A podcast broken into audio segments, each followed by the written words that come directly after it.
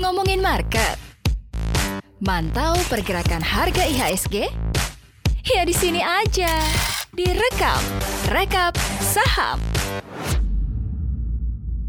Halo Sobat Cuan, selamat hari Kamis Apa kabar nih? Sudah empat hari kan?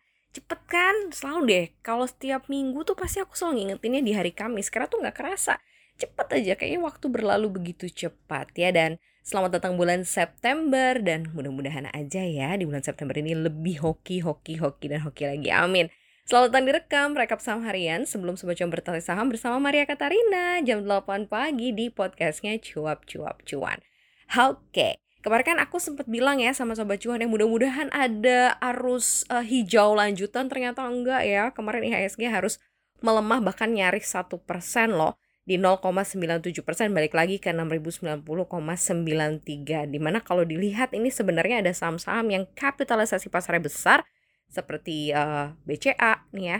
Kemudian juga ada Bank Mandiri. Ini diburu sebenarnya oleh asing ya. Dan juga asing nih juga um, memburu e-commerce Bukalapak dan juga saham retail fashion PT Matahari Department Store LPPF tapi kayaknya masih kurang kuat ya. Harus ada sentimen lain kayaknya. Dan ini masih terimbas uh, suasana bulan September dan juga beberapa sentimen dari global yang cukup bisa membuat pasar nih tarik ulur dulu. Nah, sobat cuan gimana kira-kira portofolionya tarik ulur dulu atau mungkin langsung tancap gas saja karena ada beberapa saham-saham yang mungkin cukup bisa menarik untuk dikoleksi. Nah, sebelum diputuskan, kita langsung saja masuk ke dalam poin penting yang masuk ke dalam radar rekam hari ini. Kita ke info yang pertama.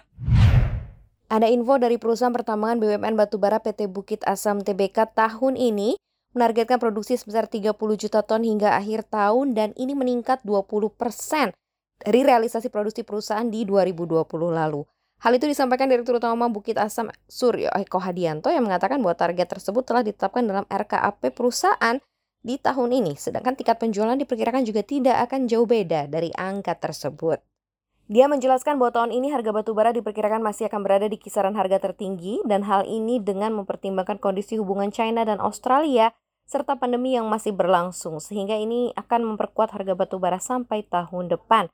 Untuk diketahui saja sampai akhir Juni 2021 lalu produksi batu kit asam ini mencapai 13,3 juta ton dengan penjualan mencapai 12,9 juta ton. Nah, lebih lanjut nih, Direktur Pengembangan Bisnis Bukit Asam, Fuad Fahrudin juga mengungkapkan bahwa tahun ini perusahaan akan berupaya untuk meningkatkan penjualan ekspor dengan porsi 53% domestik sedangkan 47% ekspor pada semester pertama tahun ini dengan porsi 63% domestik dan 37% persen ekspor. Untuk diketahui saya gini Sobat Cuan, mengacu dari data definitif, harga batu bara kembali naik walaupun kenaikan ini belum membawa si batu hitam mencatat rekor baru. Di data Selasa, di pasar Ice Newcastle Australia tercatat 170 US dollar per ton ini melesat 1,55 persen dibandingkan sehari sebelumnya. Tetapi kenaikan ini masih belum cukup untuk membuat harga batu bara ini bukan rekor saat ini tertinggi di 171 US dollar per metric ton di tanggal 27 Agustus lalu. Oke, okay. karena ada yang bilang banyak sekali commodity cycle ya di tahun ini batubara yang uh, ditekan berbagai macam pemberitaan terkait mengenai batubara yang harus ramah lingkungan, kemudian juga green energy yang digalakan oleh beberapa negara. Kira-kira menurut Sobat Cuan, pandangan Sobat Cuan nih untuk PTBA gimana? Jadi pilihan atau masih lihat dulu nanti next projectnya seperti apa? Oke, okay. next kita ke info selanjutnya ada bisnis yang memang masih belum bangkit ya, bisnis bioskop yang saat ini lagi tiarap nih. Emiten pengelola bioskop CGV dan penyediaan makanan dan minuman PT Graha Layar Prima TBK atau BLTZ ini melaporkan rugi sebesar 168,04 miliar rupiah di semester pertama 2021 ini. Kerugiannya sedikit membaik atau turun 9,39 persen dari periode yang sama di tahun sebelumnya dan berdasarkan laporan keuangan interim kuartal 2 yang terbit di laman keterbukaan informasi Bursa Efek Indonesia, pendapatan perusahaan juga turun hingga 58,01 persen atau berkurang lebih dari setengahnya ya. Pendapatan dari bioskop kembali tertekan semakin dalam di semester ini, di mana BLTZ pun hanya mampu menghasilkan 64,11 miliar rupiah, turun serat dari 152,02 miliar rupiah karena ya penutupan bioskop dan juga PPKM ya, yang diterapkan oleh pemerintah untuk menekan laju penyebaran virus COVID-19. Setelah sempat dibuka dan beroperasi secara bertahap dengan protokol kesehatan ketat sejak Oktober 2020 sampai Maret 2021, penghasilan dari segmen bisnis masih juga tertekan. Mengingat bahwa perusahaan diwajibkan membatasi jumlah penonton dan belum lagi nih ditambah kecemasan masyarakat untuk berada di tempat keramaian semakin memperburuk kinerja BLTZ sampai dengan tengah tahun ini.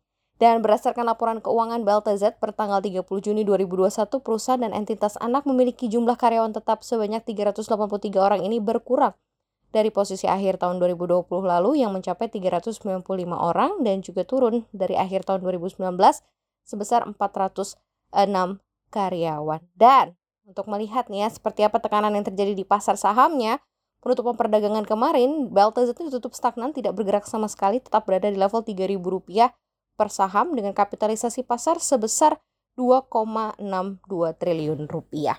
Secara personal nih Sobat Cuan, ada yang udah pergi lagi ke bioskop atau belum sih? Atau ada yang sudah berani lagi untuk balik lagi berekreasi nonton bioskop atau enggak? Nah, kalau seandainya jawaban Sobat Cuan belum ya, berarti memang gambaran dari hasil pencapaian kinerja dari BLTZ ini sangat terbukti gitu ya. Tetapi ya, kita memang harus menunggu nih seperti apa kira-kira protokol ketat nan tepat gitu ya. Kalau kita mau balik lagi berplesir mau balik lagi buat nonton bioskop. Mudah-mudahan nanti ada win-win solution untuk perusahaannya juga ya. Karena kangen juga sebenarnya loh nonton bioskop ya nggak sih sobat cuan? Oke kita ke info selanjutnya kita geser ke info yang lain ya Sobat Cuannya ini mau ngingetin juga nih bahwa Organisasi Meteorologi Dunia WHO mengatakan jumlah bencana seperti banjir dan gelombang panas akibat perubahan iklim ini saat ini meningkat lima kali lipat selama 50 tahun terakhir dan dalam laporan terbarunya, organisasi di bawah naungan PBB itu juga mengatakan bahwa mereka melakukan tinjauan paling komprehensif tentang kematian dan kerugian ekonomi akibat cuaca, air, dan juga iklim ekstrim yang pernah dihasilkan. Dan menurut laporan yang ada, sekitar 11.000 bencana yang terjadi di antara 7 tahun 1979 sampai 2019, termasuk bencana besar seperti kekeringan di tahun 83 di Ethiopia dan paling fatal dengan 300.000 kematian, badai Katrina di Amerika Serikat di tahun 2005 lalu membuat banyak kerugian ya. Dan laporan tersebut juga menunjukkan tren yang semakin cepat dengan jumlah bencana meningkat hampir lima kali lipat tahun 1970-an hingga dekade terakhir, di mana tanda-tanda bahwa peristiwa cuaca ekstrim ini menjadi lebih karena pemanasan global. Dan saat ini lebih dari 91% dari 2 juta kematian terjadi di negara berkembang. Ini juga mencatat bahwa hanya setengah dari 193 anggota WMO yang memiliki sistem peringatan dini multi bahaya. Dan Pitri Talas juga mengatakan bahwa kesenjangan yang parah dalam pengamatan cuaca terutama di Afrika merusak keakuratan sistem peringatan dini. WMO berharap bahwa laporan tersebut akan digunakan untuk membantu pemerintah mengembangkan kebijakan untuk melindungi masyarakat dengan lebih baik lagi. Ini woro-woro dan warning yang udah lama sekali mungkin Sobat Cuan denger ya seperti jangan buang sampah sembarangan, terus kemudian kita harus hemat listrik, hemat energi, dan kemudian kita juga harus aware terhadap lingkungan dengan banyak menanam pohon. Ini saat ini begitu ya, sudah mulai ada tanda-tanda penuaan terhadap bumi dan juga global. Jadi kalau untuk sobat cuan, karena kita fokusnya sekarang di COVID, COVID, COVID, COVID, selain COVID ternyata ada uh, intensitas alam yang juga harus kita perhatikan, kita harus jaga ya, karena di tempat tinggal kita sampai nanti anak cucu kita. Jadi yuk, save the world.